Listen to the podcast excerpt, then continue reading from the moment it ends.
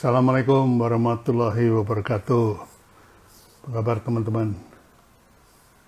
Ini malam-malam lagi iseng aja nih. Mau ngomongin event Indonesia Spicing the World. Sebentar ya, sebentar ya. Saya mau lihat ininya dulu. Apa namanya? acaranya Ya karena banyak yang nanya nih acaranya mulai jam berapa. Ya mulainya sih jam mulainya oh, nggak ketemu. Oke bentar ya teman-teman ya saya cari dulu acaranya um, supaya kita bisa ngobrolnya enak. Rundown Oke. Okay. Oke, okay, seperti kita ketahui bersama bahwa nanti tanggal 24 itu akan uh, kita selenggarakan peringatan Indonesia Spacing the World yang keempat. Ya. Apa itu Indonesia Spacing the World? Nanti kita akan bahas. Di sini nanti saya akan undang Ibu Dita. Ini orang yang punya konsep di balik dari uh, ide besar Indonesia Spice in the World. Nanti kita bahas sama-sama. Kita juga nanti akan undang Sati yang juga terlibat dari awal sebagai event organizer pada waktu itu dan juga Mas Dion yang dia juga sebagai pembicara pertama yang merangkum tentang apa itu Indonesia uh, Spicing the World. Oke, ini saya akan coba invite uh, Oke, sebentar ya teman-teman ya. Saya invite dulu. Uh, kayaknya mendingan Bu Twita yang ya saya nggak bisa nih. Oh bisa, bisa, bisa. Ya, ini saya invite Bu Tita. Beliau yang berada di balik perhelatan Indonesia Spice in the World yang pertama. Jadi nanti kita bisa dapat cerita kenapa sih kemudian ada yang namanya event Indonesia Spice in the World. Oke, lagi dicoba diundang um, mudah-mudahan bisa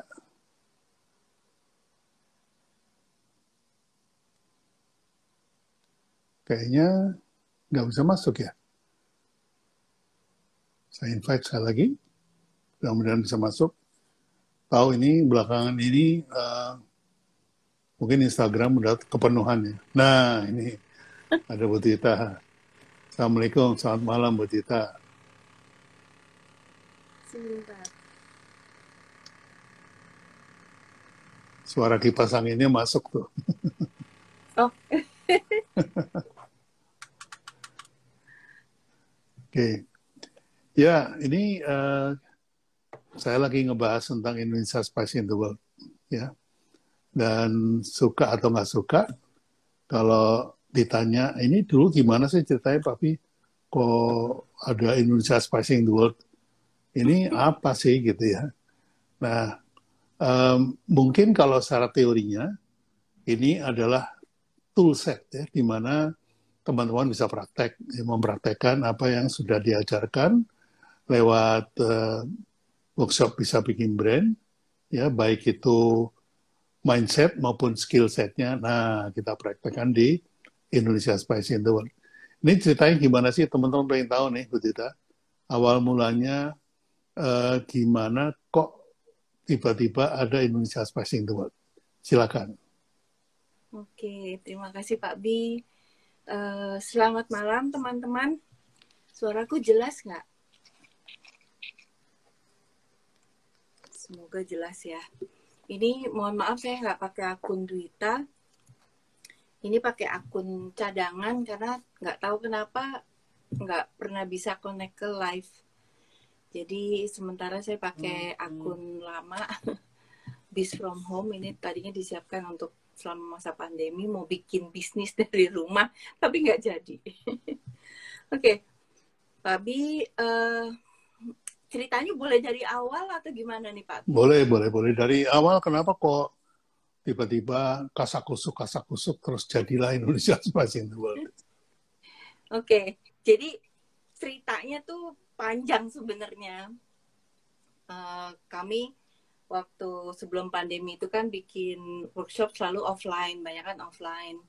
Uh, banyak di Jakarta, di rumah UKM atau terus kadang-kadang juga diundang keluar kota. Nah, karena offline jadinya lumayan saling mengenal gitu. Kita tahu satu sama lain karena ketemu terus ngobrol. Suatu hari kasak kusuk nih teman-teman alumni dipimpin oleh Ibu Najah. Ibu Najah uh, dia kebetulan selaku wedding organizer itu menghandle beberapa gedung, salah satunya di Smesco. Nah, Bu Najah ini bilang, kita bikin surprise party yuk buat Pak B tahun depan, maksudnya tahun 2019 waktu itu. Terus uh, udah beberapa teman ngobrol, terus ngobrol ngomong ke saya gitu. Terus saya bilang, jangan mendadak, jangan bikin surprise. Kenapa Bu? Kan kita pengen surprise nih teman-teman alumni. Saya bilang, karena Pak Bi juga di kepalanya udah ada ide gitu. Jadi daripada bikin surprise terus uh, ide Pak Bi nggak terdeliver atau surprise-nya jadi malah nggak besar, mendingan saya gabungin aja gimana. Jadi ide Pak Bi dan surprise dari teman-teman uh, digabung Terus kita pilih hari ulang tahun Pak Bi waktu itu 24 Agustus 2019 itu spesial banget karena merupakan 50 tahun Pak Bi berkarya, pas 50 tahun Pak Bi berkarya dan Pak Bi memasuki usia yang ke-70. Jadi angkanya keren banget. 50 tahun berkarya dan 70 tahun Pak Bi uh, ulang tahun. Akhirnya uh, teman-teman setuju, oke okay, kalau gitu uh, kita ngomong langsung sama Pak Bi untuk menyampaikan uh, programnya apa yang kita bisa bantu kata teman-teman. Uh, terus Bu Naja juga bilang pokoknya tempatnya dari saya gitu. Artinya bikinnya di UNESCO. Karena saya bilang kalau Pak Bi yang sudah turun tangan, Pak Bi yang punya ide, itu jangan dibilang kecil, pasti besar sesuatu yang besar. Dan ternyata uh, begitu saya tanya, Pak Bi bilang, iya saya pengen launching uh, Indonesia Spicing the World. Kenapa? Karena saya ingin memberikan sesuatu di hari istimewa saya untuk teman-teman UKM gitu. Jadi akhirnya kita bikin panitia kecil ya Pak Bia kalau nggak salah bulan yeah. mulainya itu bulan Januari.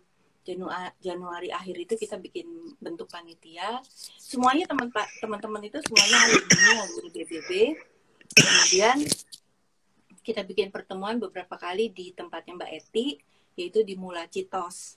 Jadi ini semua, semuanya benar-benar hasil kolaborasi teman-teman alumni luar biasa. Uh, bahkan sampai pada saat acara pun juga luar biasa itu semuanya dari kami untuk kami ya istilahnya itu membuat kami meneteskan air mata banget gitu terharu banget gitu akhirnya setelah persiapan dari bulan Januari kemudian sampai bulan Agustus kita bertekad pokoknya ini harus jalan, ini harus apa pun yang terjadi mau itu uh, kitanya uh, mau lari atau jalan terseok-seok pokoknya harus jalan. Jadi uh, tujuan kita me, me, me, apa ya membuat cita-cita Pak B ini terlaksana dan alhamdulillah semua berjalan dengan uh, sesuai dengan uh, rencana dengan segala kekurangannya ini dan itu Pak Bi akhirnya uh, melaunching Indonesia Spicing the World yang waktu itu dihadiri juga oleh Pak Sandiaga Uno sebagai keynote speaker. Kemudian teman-teman UKM banyak yang dari luar kota juga ikutan buka booth segala macam. Terus uh, Pak Bi bikin video kalau pernah lihat video Indonesia Spicing the World itu benar-benar dibuat oleh Pak Bi. Pak Bi yang ngebrief uh, waktu itu Rusdi ya uh, ponakan Pak Bi untuk menggambar semua ide dari Pak Bi kemudian musiknya juga oleh Mbak Tia kemudian dinyanyikan oleh Mbak Tia dibantu oleh Kang Iwan dan juga oleh ada suara Pak Bi juga di situ. Terus pada saat mengisi VO, Mbak Tia bilang kayaknya harus Pak Bi karena suaranya otoritatif gitu. Jadi semuanya kilat banget uh, buat sebuah uh, acara besar di mana kami baru sekali itu melakukan. Akhirnya kami bilang tolong bantuin Trojan. Mas Dion dan Mbak Sati juga bantuin karena mereka yang lebih biasa untuk mengadakan event besar. Sementara kami kan biasanya cuma workshop aja di rumah UKM gitu. Jadi jadi ini sebuah kolaborasi besar dan menghasilkan acara besar eventnya luar biasa uh, pas ulang tahun Pak Bi dan alhamdulillah kita paksain berjalan karena tahun 2020 kan pandemi bayangin kalau tahun 2019 nggak jalan aduh sedih banget gitu jadinya kita benar-benar bersyukur tahun 2019 itu kita jalankan dengan sedikit uh, maksain gitu ya Pak ya. ya alhamdulillah. Ya, Dan, eh, kebetulan semuanya mandiri ya Bu Tita ya. Jadi iya. Uh, semua dari kantong sendiri, kemudian uh, dibantu oleh teman-teman ya, mereka juga ngerokok kantong juga gitu. Untuk suksesnya acara ini luar biasa. Jadi ini karya semua semua orang lah ya. Betul. Jadi, terima kasih juga untuk Bu Najah yang sudah meminjamkan ya uh, Smesco, gedung Smesco lantai 5 itu untuk kita pakai. Nah, ya. itu nilainya luar biasa pada biasa. saat itu ya. Iya. Luar biasa. Ya. Ya, lanjut betul tak? Aku cari uh, Mas Dion atau Mbak Sati. Ya. Uh, ya memang waktu itu kita mandiri, kita nggak pakai sponsor kecuali teman-teman yang buka booth. Kemudian yang uh, sama yang uh, waktu itu kita buka tiket juga, tiket booth. Kemudian uh, yang bayar masuk dapat makanan, makanannya juga semua dari teman-teman UKM. Dan itu uh, kita subsidi. Maksudnya semuanya berputarnya di situ. Semuanya dari UKM untuk dari kami untuk kami, dari kita untuk kita. Apalah pokoknya itu pokoknya semuanya semuanya berjalan alhamdulillah di support kata support teman-teman semua. Dan serunya uh, banyak banget yang buka booth itu dari luar kota ya Pak Bia. Bahkan yeah, dari yeah. teman Palu juga datang uh, mereka uh, beberapa ya satu booth itu ada sambal, ada bawang, ada coklat, kalau nggak salah ada kue. Jadi mereka uh, patungan beramai-ramai. Ah, ada Mas Tion. Ya, halo Yon. Halo Fabi. Halo Budi. Udah nggak udah nggak pusing? Udah nggak pusing. Men, udah mendingan. Terlalu Akhirnya. banyak diet tuh. Ini suaraku jelas ya? Dengeran? Jelas, jelas, bagus. Yes, Okay. Ya. Ya Yon, kita lagi ngomongin tentang Indonesia Passing the World nih.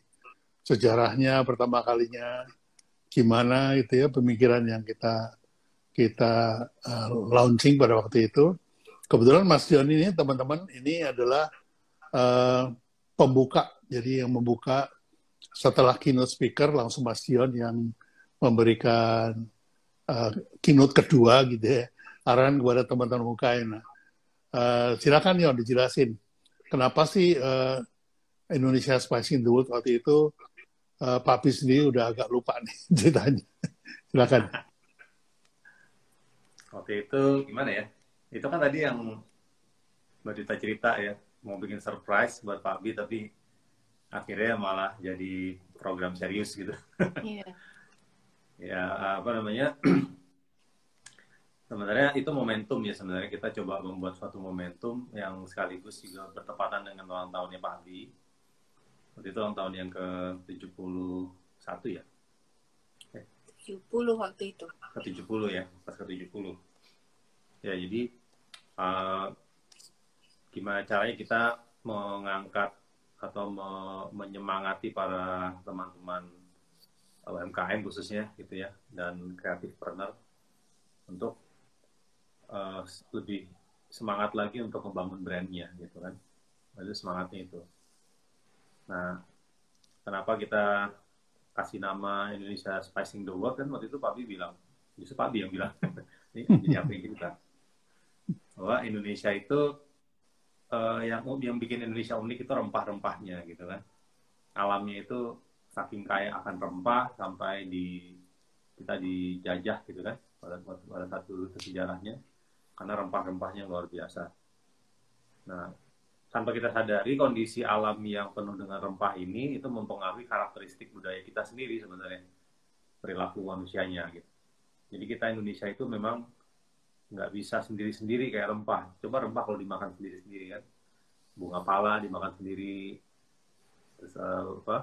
Uh, cengkeh bawang dimakan sendiri, cengkeh dimakan sendiri gitu. Yakin pasti semuanya mual muntah-muntah gitu. Tapi begitu diramu, diracik menjadi sebuah bumbu, sebuah sebuah uh, masakan gitu ya. Nah itu baru rasanya luar biasa gitu. Nah Indonesia kayak gitu. gitu. Rakyatnya juga kayak gitu. UMKM-nya pun juga kayak gitu. Jadi uh, eh, UMKM kita ini harus harus bersatu, harus uh, kolaborasi, berkolaborasi gitu ya. Nah kalau kolaborasinya kuat dan banyak, nah itu akhirnya bisa bisa mendunia dan kita menganalogikan seperti rempah tadi seolah-olah rempah membumbui dunia gitu ya. Jadi UMKM UMKM kita ini harus bisa membumbui dunia gitu. Makanya namanya kita bikin Indonesia Spicing the World. Jadi ini bukan event jualan bumbu-bumbu masak ya. Tapi filosofinya seperti itu gitu. Ya mungkin teman-teman yang baru dengar biar tahu juga kan. Ya, terus ada yang komen juga itu uh, dulu ini salah ini Pak Pi, Indonesia Spicing the World nih. Harusnya Indonesia Spice Up yang benar bahasa Inggrisnya nih. Nah itu gimana tuh Yon, komentarnya Yon? Eh, kan kalau komunikasi justru eh, biar diomongin kita bikin sesuatu biar diomongin kan. ya salah. Sengaja kita bikin salah biar diomongin orang. Kalau misalnya benar-benar semua nggak ada yang ngomongin percuma. Ya, jadi uh, ya kita waktu itu pendekatannya kayak itu ya Pak Bi, kita bikin istilah sendiri gitu salah tapi uh, apa ya kita bikin istilah baru gitu kayak googling gitu kan itu juga nggak ada bahasa Inggris googling kan. Terus uh, apa istilah-istilah yang baru lah gitu ya yang sebenarnya di kamus nggak ada gitu. Secara takanan benernya nggak ada tapi kita bikin aja yang penting orang ngerti maksudnya. Jadi spicing itu ngebumbuin gitu. Ya memang nggak ada lebih aktif. Ya sebenarnya secara kamus bahasa Inggrisnya nggak ada karena spicing itu. Nah, cuman ya sengaja kita bikin gitu. Biar itu jadi unik punya kita gitu. Nggak ada yang make. Ya kebetulan kan kebetulan kan Papi juga asli Jawa Timur ya. Di mana ada satu kata yang bisa punya seribu makna dan itu unik ya. Ketika ketemu teman udah lama gak ketemu kata pertama begitu ketemu langsung bilangnya jancuk sampean ke mana aja? kan gitu. Di kamus nggak ada itu kata jancuk tapi wah ini benar-benar jancuk nih artinya enak. Jadi uh, itu mungkin ya yang mempengaruhi kemudian Indonesia Spice Up jadi Indonesia Spicing. Waktu itu dia ngasih arahannya apa ya? Uh, bagaimana rempah itu menyatu dan segala macam. Hmm. Pentingnya brand itu apa waktu itu? Ya, waktu itu sih lebih ke itu ya makna event ini filosofinya apa gitu. Supaya teman-teman UMKM mengerti paham. Jadi semangatnya uh, ini bareng gitu maju bareng berkolaborasi. Makanya waktu itu ada itu juga ya ada acara uh, festivalnya juga ya Pak ya. Ada ya. ada expo-nya juga. Ya. ada expo kemudian ada uh, mendaftarkan untuk kejuaraan ya salah ya. Hmm, jadi untuk dikurasi kulinernya, dikurasi untuk fashionnya kalau nggak salah. Apalagi ya, Wit, waktu itu. Ada beberapa kelas lah yang kita selenggarakan gitu. Ya, nanti mudah-mudahan kalau udah betul-betul udah aman dari uh, pandemi yang ini dan tidak disusul pandemi yang lain, ya kita akan adakan lagi on yang offline ya. Karena seperti itu. Pengen banget. Jadi, Ya, Bu Tita mau disambung ceritanya apa lagi? Ceritanya tuh yang seru yang terakhir tuh Pak Bi pakai angklung. Kenapa Pak Bi pakai angklung coba? Oh iya iya, mungkin Dion bisa cerita tuh, karena kan musik kaitannya sama Dion. Sampai aku nyari saat ini mana nih katanya mau join tapi nggak nongol-nongol dari tadi. Ya itu sengaja itu angklung itu, karena ya karena kita tadi ambil filosofinya rempah gitu ya UMKM juga ibaratnya rempah. Nah, kalau di musik yang kayak rempah tuh apa? Angklung. Coba angklung bunyi sendirian. A ada gitu orang solo angklung gitu nggak ada. kalau solo gitar gitu ada benar solo drum aja ada solo piano ada solo biola ada tapi nggak ada musisi gitu ini dia peragaan solo angklung gitu nggak pernah ada jadi angklung Bunyinya sa- bunyinya satu nada. satu nada doang gitu. Nggak mungkin dia resital gitu solo angklung gitu nggak mungkin. Jadi angklung itu pun baru indah kalau dimainin bersamaan gitu. Jadi waktu itu bersama sengaja memang kita desain filosofinya semua sama gitu. Mulai dari rempahnya rempah nggak mungkin dimakan satu-satu gitu. harus diracik bersama. Angklung gitu ya eh, kita kenapa menggunakan angklung? Filosofinya sama. Alat musik yang nggak bisa solo sendirian. Nah ini juga eh, apa eh, kita kita ya message-nya sih key message-nya kita sampaikan ke teman-teman bahwa UMKM Indonesia tuh nggak bisa sendirian gitu. Harus be- bersama maju bersama. Bersama. memang nggak nggak memang be- agak beda ya sama UMKM-nya luar negeri gitu. Kalau brand-brand luar negeri itu kan semangatnya pingin gede sendirian gitu ya. pingin sukses sendirian hebat sendirian. Yang lain kalau bisa mati gitu ya. kan gitu kalau semangatnya Nah, kalau misalnya Indonesia nggak gitu. Budaya kita ya gotong royong apa segala macam ya. Itu value-value kita nah itu juga eh, diterapkan pada kondisi sekarang ya berkolaborasi gitu Jadi, makanya Iya, Pak iya. Bi Pak Bi balikin lagi tuh bersama kita bisa ya Pak Bi ya itu tema Iya. tahun ini Pak Bi Ya, tahun ini eh, ada yang komentar begini sih kemarin waktu ngobrol-ngobrol. Tapi buat eh, Indonesia Spicing the World ini yang paling cocok itu eh, tagline-nya bersama kita bisa. Loh itu kan dipakai tahun 2004 atau Pilpres. Nah, ini kawannya kebetulan juga tahu ya pada zaman itu. Dia bilang itu Pak Bi kecepatan. Justru sekarang inilah dibutuhkan untuk bersama. Gitu. Kita harus eh, berkolaborasi, kita mau ber- berkebersamaan, kita lupakan perbedaan-perbedaan. Justru yang kita cari adalah kebersamaannya. gitu. Terus Papi pikir benar juga ya. Jadi kenapa nggak kita pakai tagline itu kan masih bagus dan masih diingat orang. Menurut Dion gimana ya? ya nggak masalah orang itu tagline-nya buatan Pak Bi Iya. pakai aja pakai aja Iya, atau beliau juga udah nggak pakai lagi sekarang. iya hak ciptanya menempeli Pak Bi sebagai pencipta Iya, oke, oke. Nah, untuk tanggal 24-nya ada yang nanya, nanti acaranya mulai jam berapa? Eh, Kebetulan ketua panitianya Bu Twita, mungkin bisa menjelaskan gitu, siapa aja yang diundang dan apakah ini eh, apa namanya online aja atau ada offline juga, apa ada undangan khusus, hybrid gitu. Iya, jadi eh, alhamdulillah tahun ini kita bisa melakukan eh, lagi ya yang keempat Eh, rencana tanggal 24 besok, tanggalnya nggak berubah. Eh, mulai jam 9.30 udah bisa mulai masuk. Kita adakan secara online. Tapi memang karena tanggal 24 juga istimewa, hari ulang tahun Pak Abi, jadi kami mengundang eh, undangan khusus ya. Jadi pihak kecil aja belum berani rame-rame, jadi eh, untuk datang hadir di rumah UKM. Tapi ini benar-benar eh, dipilih gitu karena saya belum berani membuka gitu. Jadi eh, untuk merayakan ulang tahun Pak Abi, turut lilin, potong kue juga. Gitu. Ya, terutama terutama pembicara ya, pembicara, pasti kita Pembicara. undang ya. ya, Kalau pembicara yang dan berhal- panitia. Yang berhalangan ya pasti dari rumah gitu. Iya. Nah, ini salah satu pembicara kan Mas Dion nih.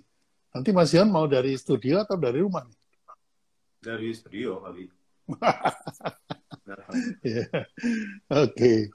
Jadi eh, gimana ceritanya nanti eh, moderator ada tiga ya seperti biasa ya, Mas Arto sebagai aktivis brand, kemudian Mbak Vivin profesional, Mbak Vivi sama Sati moderator eh, andalan kita.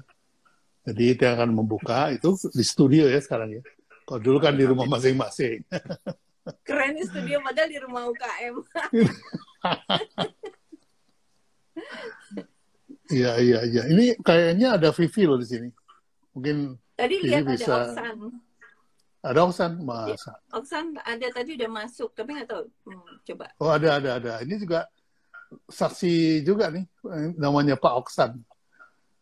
Kita Tapi belum lihat masuk ya. Belum, kayaknya sibuk dengan anak-anak. Amisa nyariin yang Iya. Itu. Nanti nanti di apa namanya? Kita bisa tanya nih, Oksan ini juga salah satu eh, saksi sejarah. nah, ini loh. Loh. Oh, balik Kamera. Kameranya salah. Kameranya kok ke sana? balik gimana? untung nggak ada yang aneh-aneh. Iya. Untung ketutup tuh pintunya. Ya, Mas Hasan, selamat datang. Assalamualaikum. Nih, kita lagi ngobrol-ngobrol dari tadi, udah ngikutin ya. Jadi, ceritanya Bu Tita gimana awal mulanya Indonesia Passing the World. Nah, ini Mas Oksan ini juga menjadi saksi berapa sih jumlah panitianya pada waktu itu untuk event Waduh. sebesar itu. Masih ingat nggak ada berapa orang? Kayaknya kayaknya satu kesebelasan bola kurang ya. Kayak nggak sampai. Nggak sampai kayaknya. Mungkin 10 nggak nyampe kali ya. Iya, Dikit lah itu. kita harus Iya. gitu emang. Saya juga dadakan kan. Iya, Di dadakan di iya di WhatsApp Abi kan. Di di gedungnya Bun aja apa namanya tuh? Smesko. Smesco. ya? ya. Nah, suruh datang ke sana, terus Babi ngenalin, ini Oksan, copywriter, baru bergabung hari ini. Jadi ditembak langsung. Saya juga baru tahu di situ. Oh, panitia ya. Iya, Cuma iya. itu tim kecil menurut saya lebih apa ya, lebih gampang ngatur ya kali ya. Apalagi kan visinya visinya sama semua ya. Jadi gerakinnya gampang dan cepet sih. Iya. Ini ngomong-ngomong saya baju putih sendiri, yang lain hitam nih. Anomali ini.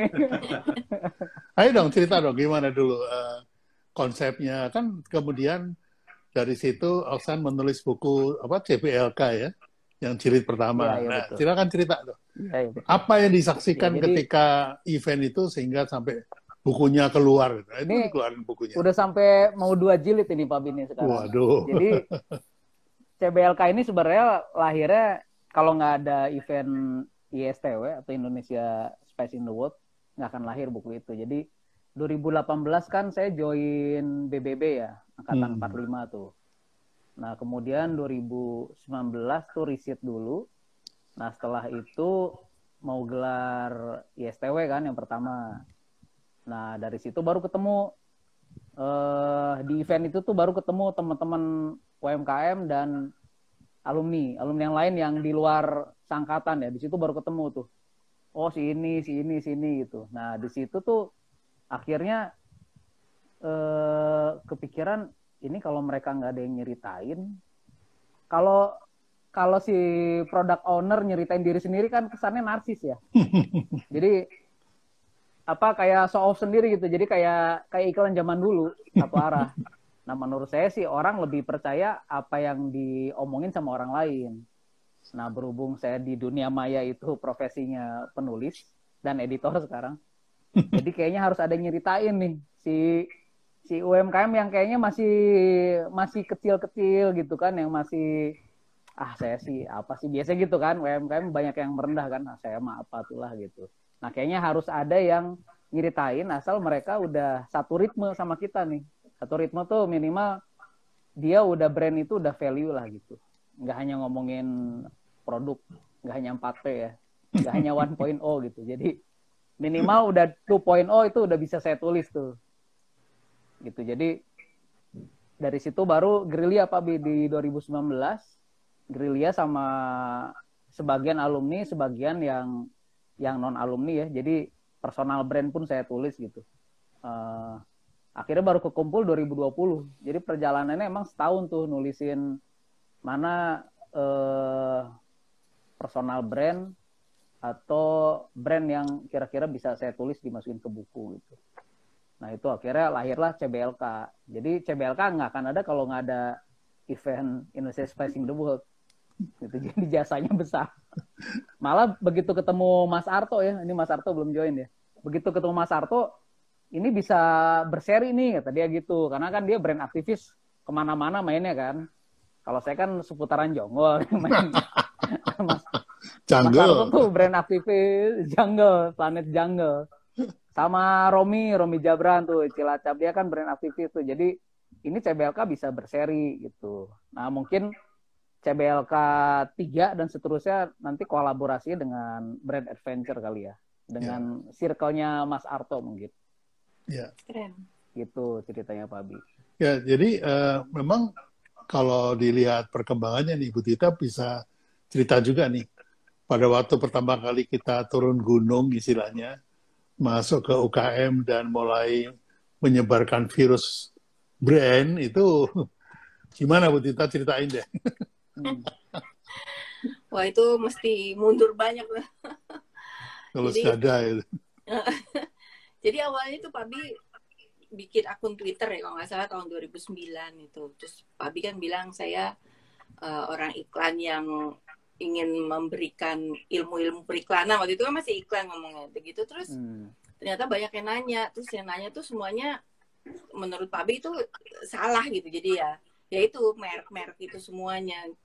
Terus Pak Bi membuka konsultasi. Hmm. Pak Bi kan memang selalu menjawab. Sampai sekarang pun juga orang yang nge-DM orang yang uh, apa nanya di IG-nya tuh semuanya dijawab langsung sama Pak Bi gitu waktu itu di Twitter itu semuanya dijawab dan Pak Bi rajin banget gitu ngejawabin sampai akhirnya orang bilang Pak Bi adalah pakar branding ya Pak Bi ya hmm.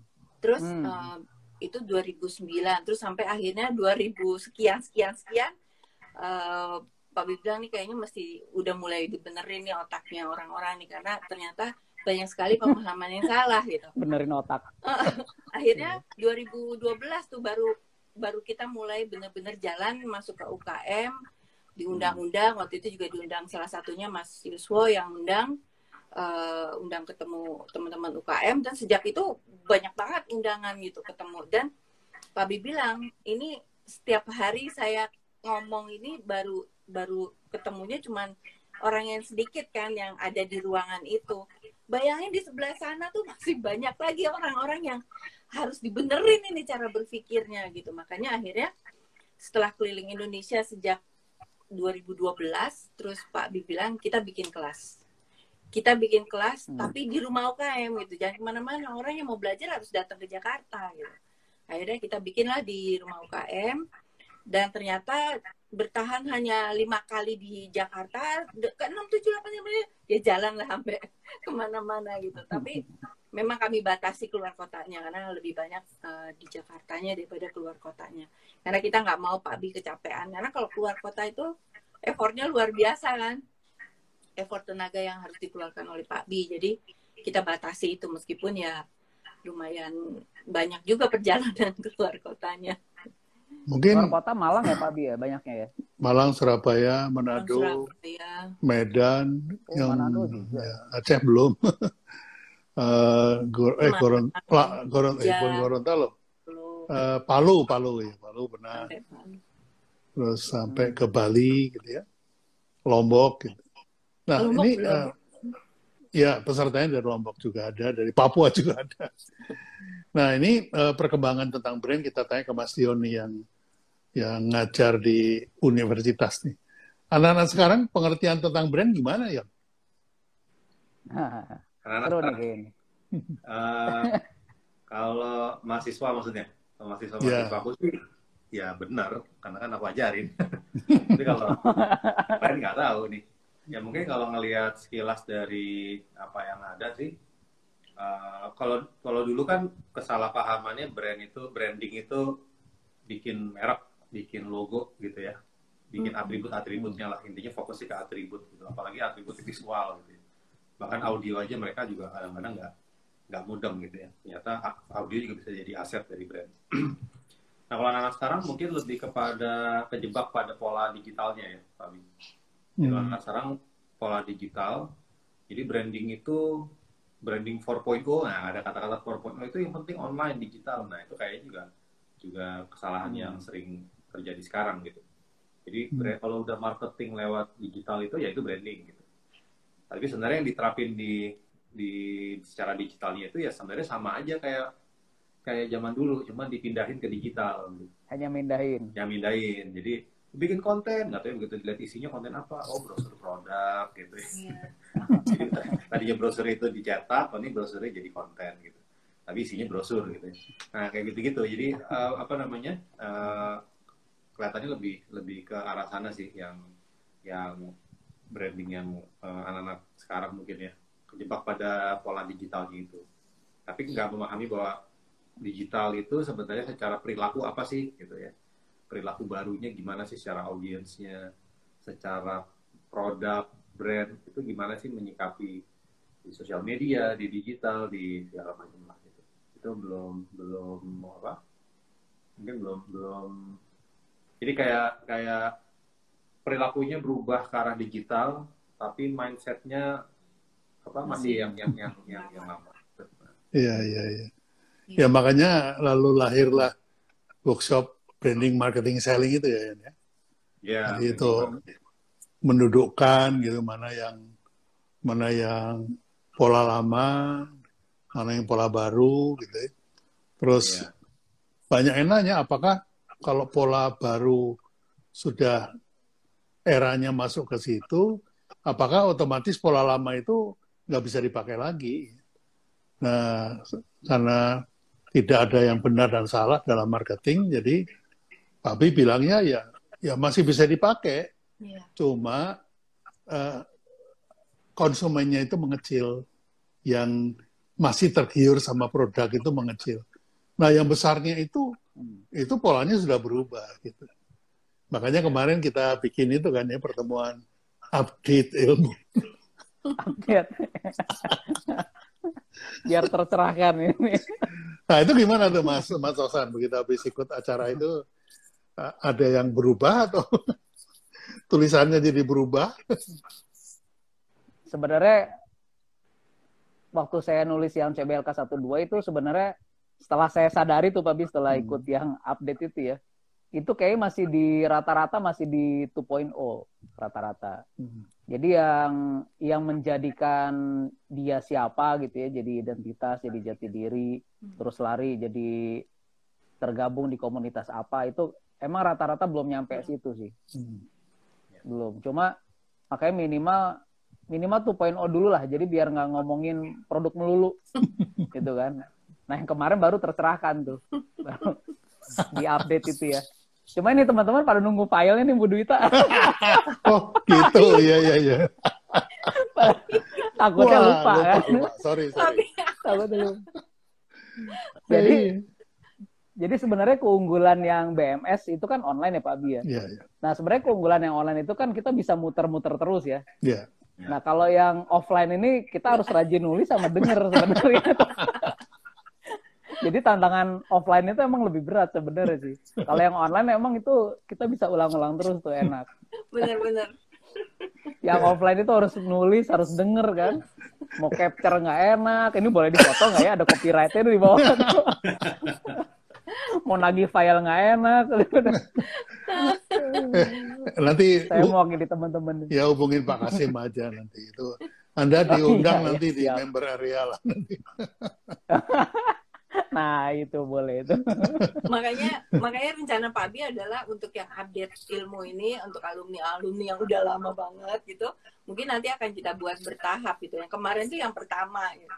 yang kita kenal memang sering menulis gitu. Tapi mungkin nanti akan ada yang kedua ketiganya gitu. Nggak tahu kapan ya cuma rencananya seperti itu. Karena ternyata oh iya ya udah kelamaan. Udah beda banget gitu kan Iya iya iya. Apalagi Bu Eti ya, Mas Raja itu kan BBB 5 ke BBB bawah dua. kan, angkatan 5 ke bawah. 2016 udah lama banget itu. Ilmu nenek-nenek itu udah. nah itulah sebetulnya ya teman-teman. Jadi saya juga kadang-kadang ada guilty feeling ya. Saya mengajarkan sesuatu yang masih 1.0 gitu. Tapi kalau kemudian saya ajarkan yang 2.0, ini pada saat itu itu belum siap, belum siap gitu. Jadi Hmm. eh, kalau saya bilang yang dijual itu perilakunya mana ngerti gitu ya. Jualannya produk kan gitu. Nah jadi akhirnya ya saya menyesuaikan. Makanya 15 langkah itu kan ganti-ganti terus. sesuai dengan eranya gitu. Yang pertama produk kita ngomongin produk, eh sekarang udah jadi produk insight, itu kan beda banget kan. Jadi ini yang Ya. Yang apa namanya, yang membuat kenapa. Nah, tanya aja sama Sion eh, yang berkecimpungan di di apa antara mahasiswa itu. Perkembangan pertumbuhan brand dan marketing itu luar biasa cepatnya. Luar biasa cepatnya. Um, nah, gimana komentarnya?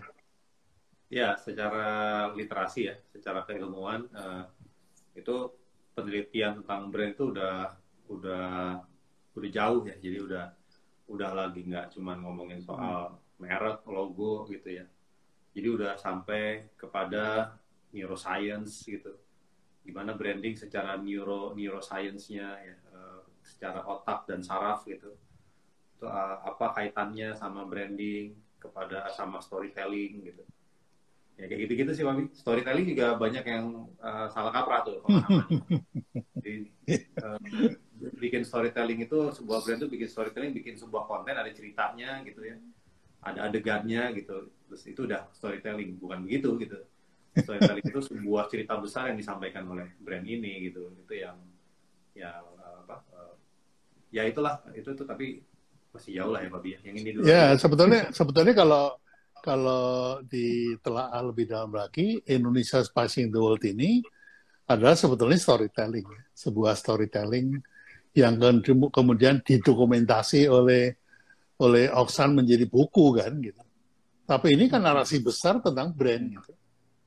Itu Iya. jadi sebetulnya ya begitu. Jadi bukan cerita itu bukan cerita tentang produknya, bukan banyak yang teman seperti itu.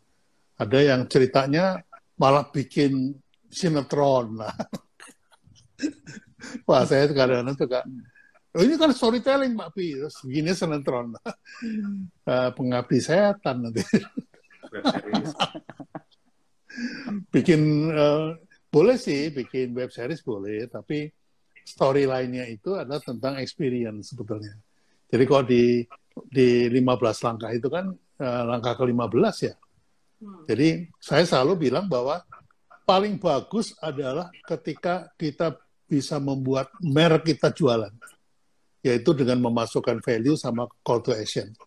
Kalau mereknya nggak bisa, Anda butuh Anda butuh logo yang bisa jualan, menjadi silent salesman karena mengandung value dan call to action. Kalau logo dan merek yang nggak bisa jualan, maka Anda harus punya tagline yang bisa jualan Tagline. yang mengandung Hmm. value dan call to action. Nah, kalau tagline-nya masih nggak bisa jualan, maka pertahanan terakhir itu ada pada experience. Bagaimana Anda membuat experience yang jualan, karena mengandung value dan call to action. Ini eh, 15 langkah itu ada empat bagian terakhir itu adalah langkah-langkah pertahanan. Ya, lolos di sini, lo- apa masuk sini, lolos di sini, masuk sini dalam rangka menjual. Jadi saya ngerti nggak, saya bingung juga kalau ada yang bilang, wah branding itu jualannya lama Pak Pi, kita jualan dulu aja. Nah gimana tuh? Komentar Yon? Ya itu salah satu ini ya salah satu uh, penjara mindset yang sering terjadi pada banyak banyak uh, teman-teman gitu ya. Jadi kayaknya kalau nggak jualan tuh uh, kayaknya nggak afdol gitu ya. Itu kan penjara mindset ya. Jadi udah udah kejebak pada satu perilaku kompulsif harus jualan nih kalau nggak jualan kayak salah gitu. Nah, uh, uh, aku share sedikit secara literatur ya, Pak Abi Iya. bahkan di di teori tentang selling sendiri itu ada yang berbicara atau mulai me- membahas apakah selling itu masih efektif atau tidak. Ah, makanya ada bukunya selling without selling gitu. Nah itu itu perlu perlu juga teman-teman eh, terupdate ya dengan literasi ini gitu. Nah, yang teman-teman perlu pikirkan gimana cara kita jualan padahal secara statistik atau hasil penelitian salah satu salah satu profesi yang paling tidak dipercaya itu adalah salesman. Sales.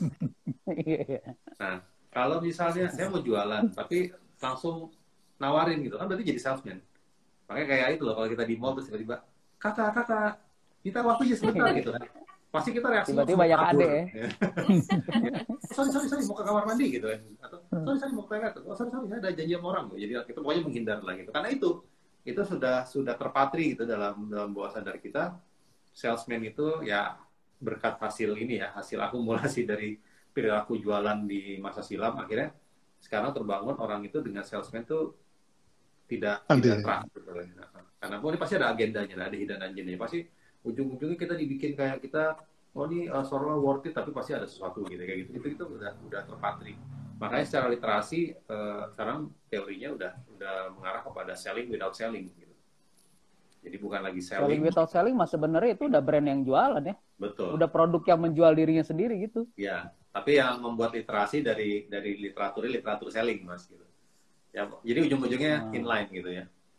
Jadi dari dari literatur eh, apa sales gitu di mana selling without selling ya ujung-ujungnya adalah how to move others ya. Gimana caranya menggerakkan menggerakkan orang. Nah itu kan yang Pak bisa ajarkan gitu. Menggerakkan orang menggerakkan pasar gitu menggerakkan konsumen customer pelanggan itu ya dengan dengan brand value gitu. Ya, ujung-ujungnya ke situ jadinya. Ya, jadi kan eh, kalau eh, masih ingat ya di materi yang saya share di upgrade itu kan, yang pertama itu orang bisnis tuh emang maunya cuan kan ya. Karena sekarang kan gitu. Wes branding branding nggak penting, yang penting cuan. Oke, cuan gitu kan. Branding. Cuan, nah cuan itu terjadi kalau ada transaksi kan gitu. Transaksi terjadi kalau ada traffic. Gitu. Nah, traffic itu mampir kalau ada atraksi. Atraksi. Nah, sekarang atraksi ini mesti kita amati nih. Atraksi itu ada 16 16 macam atraksi. Nah, atraksi itu apa sih? Atraksi itu adalah daya tarik call to action untuk membeli. Jadi konsumen itu ad- tertarik oleh magnetnya si si produk ini gitu. Eh, sehingga mereka call to action untuk membeli. Nah, membeli itu adalah adalah mengeluarkan uang dari dompet, ya kan? Itu action olah olah tubuh kan, olah tubuh mengeluarkan dompet dari dari eh, uang dari dompet, terjadi transaksi. Nah, si tangan ini disuruh siapa? Kan nggak, dia nggak jalan sendiri, ngeraba-ngeraba terus ambil duit beli kan nggak gitu.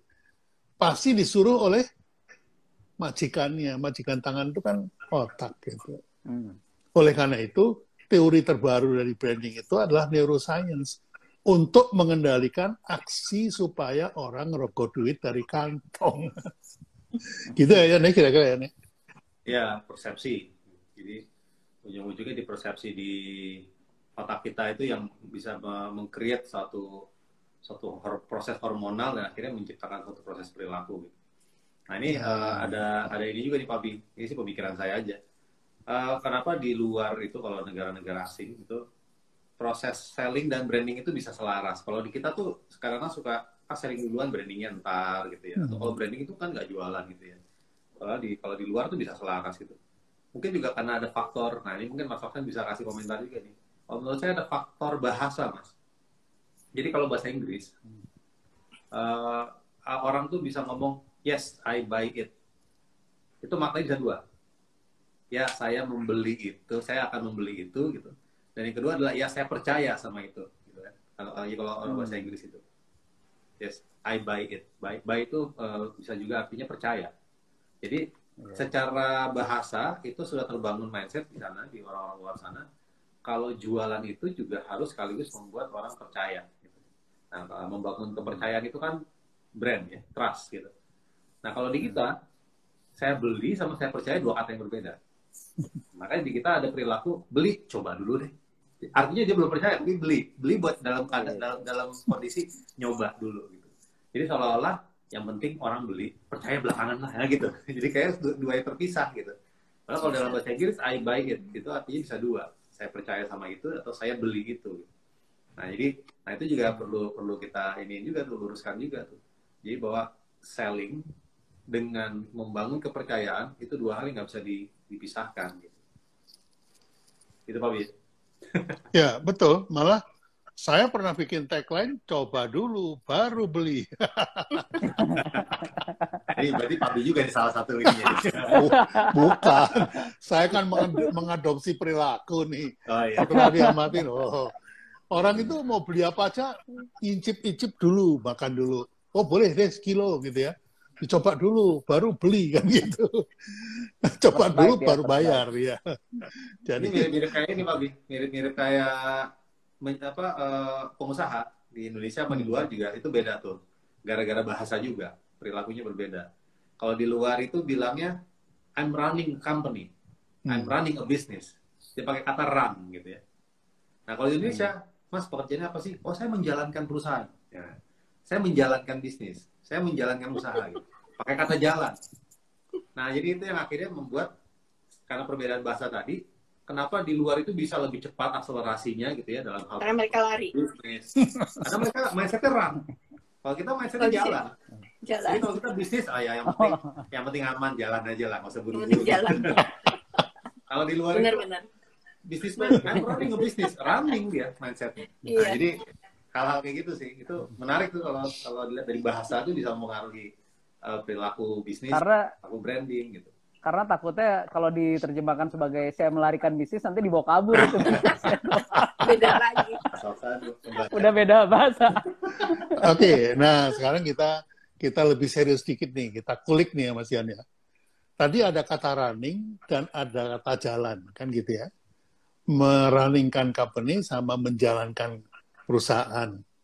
Kata running dan kata jalan itu berarti men-trigger trom, eh, men-trigger eh, hormon yang berbeda. Betul. Jadi uh, secara neuroscience ya, Iya. ini kita bahas sedikit secara neuroscience ya. Uh, jadi literatur terakhir branding dengan neuroscience kan mulai dikaitkan. Artinya Hmm. apa pun substansi brand yang kita lemparkan, kita komunikasikan kepada konsumen, itu menjadi stimu, stimulan, menjadi uh, apa trigger terhadap proses hormon yang terjadi di tubuh uh, audience gitu ya, di otak audience. Nah, ada ada dua area gitu ya di mana area di dalam otak kita tuh yang bisa menjadi high call to action dan bisa menjadi low call to action gitu.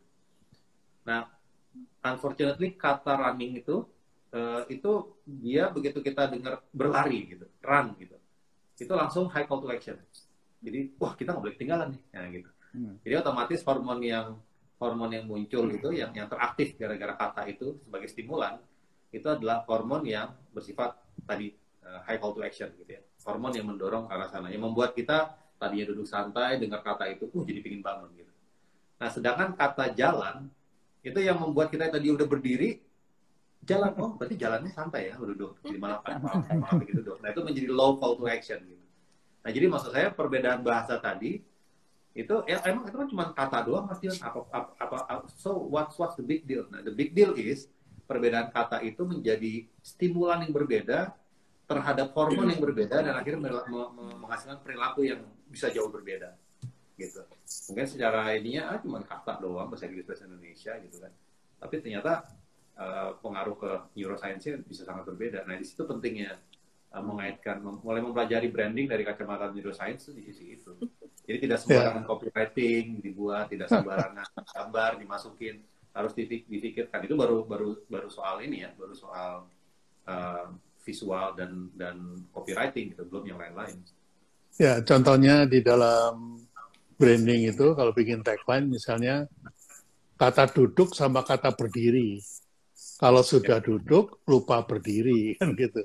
Kenapa orang perebutan tempat duduk?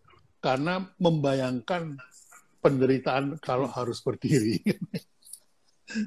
nah, itu kata duduk dan kata berdiri itu men-trigger hormon yang berbeda itu. Nah Gitu. itu itu kejeniusannya Pak Abi itu dalam satu tagline bisa bisa mengaktifkan dua hormon yang saling bertentangan itu begitu dengar kata berdiri langsung stres hormonnya beda yang keluar begitu dengar kata duduk beda di saat yang bersamaan itu ya paradoks nah itu Hmm. itu Pak Pak Abi sih jagoannya Abi. Yang eh, pendekatan copywriting saya emang dari dulu paradoks ya. Besar tapi kecil ya. Kecil tapi besar manfaatnya.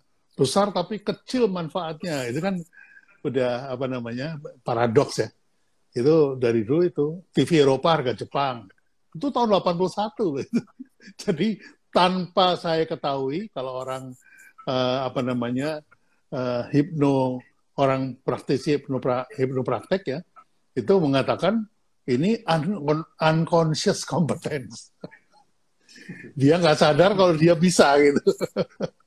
Kan seperti yeah. pilihan Pak Bi sendiri bilang daripada saya menjadi kodok besar di kolam kecil ya. Iya. Lebih baik saya jadi kodok kecil di kolam besar gitu ya Pak Bi ya. Betul. Itu kenapa saya tahun tahun 76 ya itu meninggalkan singgasana uh, dolar gitu. terjun ke rupiah itu ya karena apa ya uh, terlalu Udah muda untuk besar ya. Terlalu muda terlalu muda untuk nyaman itu. Umur berapa waktu itu ya? Dua, tahun 76 itu umur 26 tahun. Udah nyaman sekali itu beli mobil setiap setiap bulan itu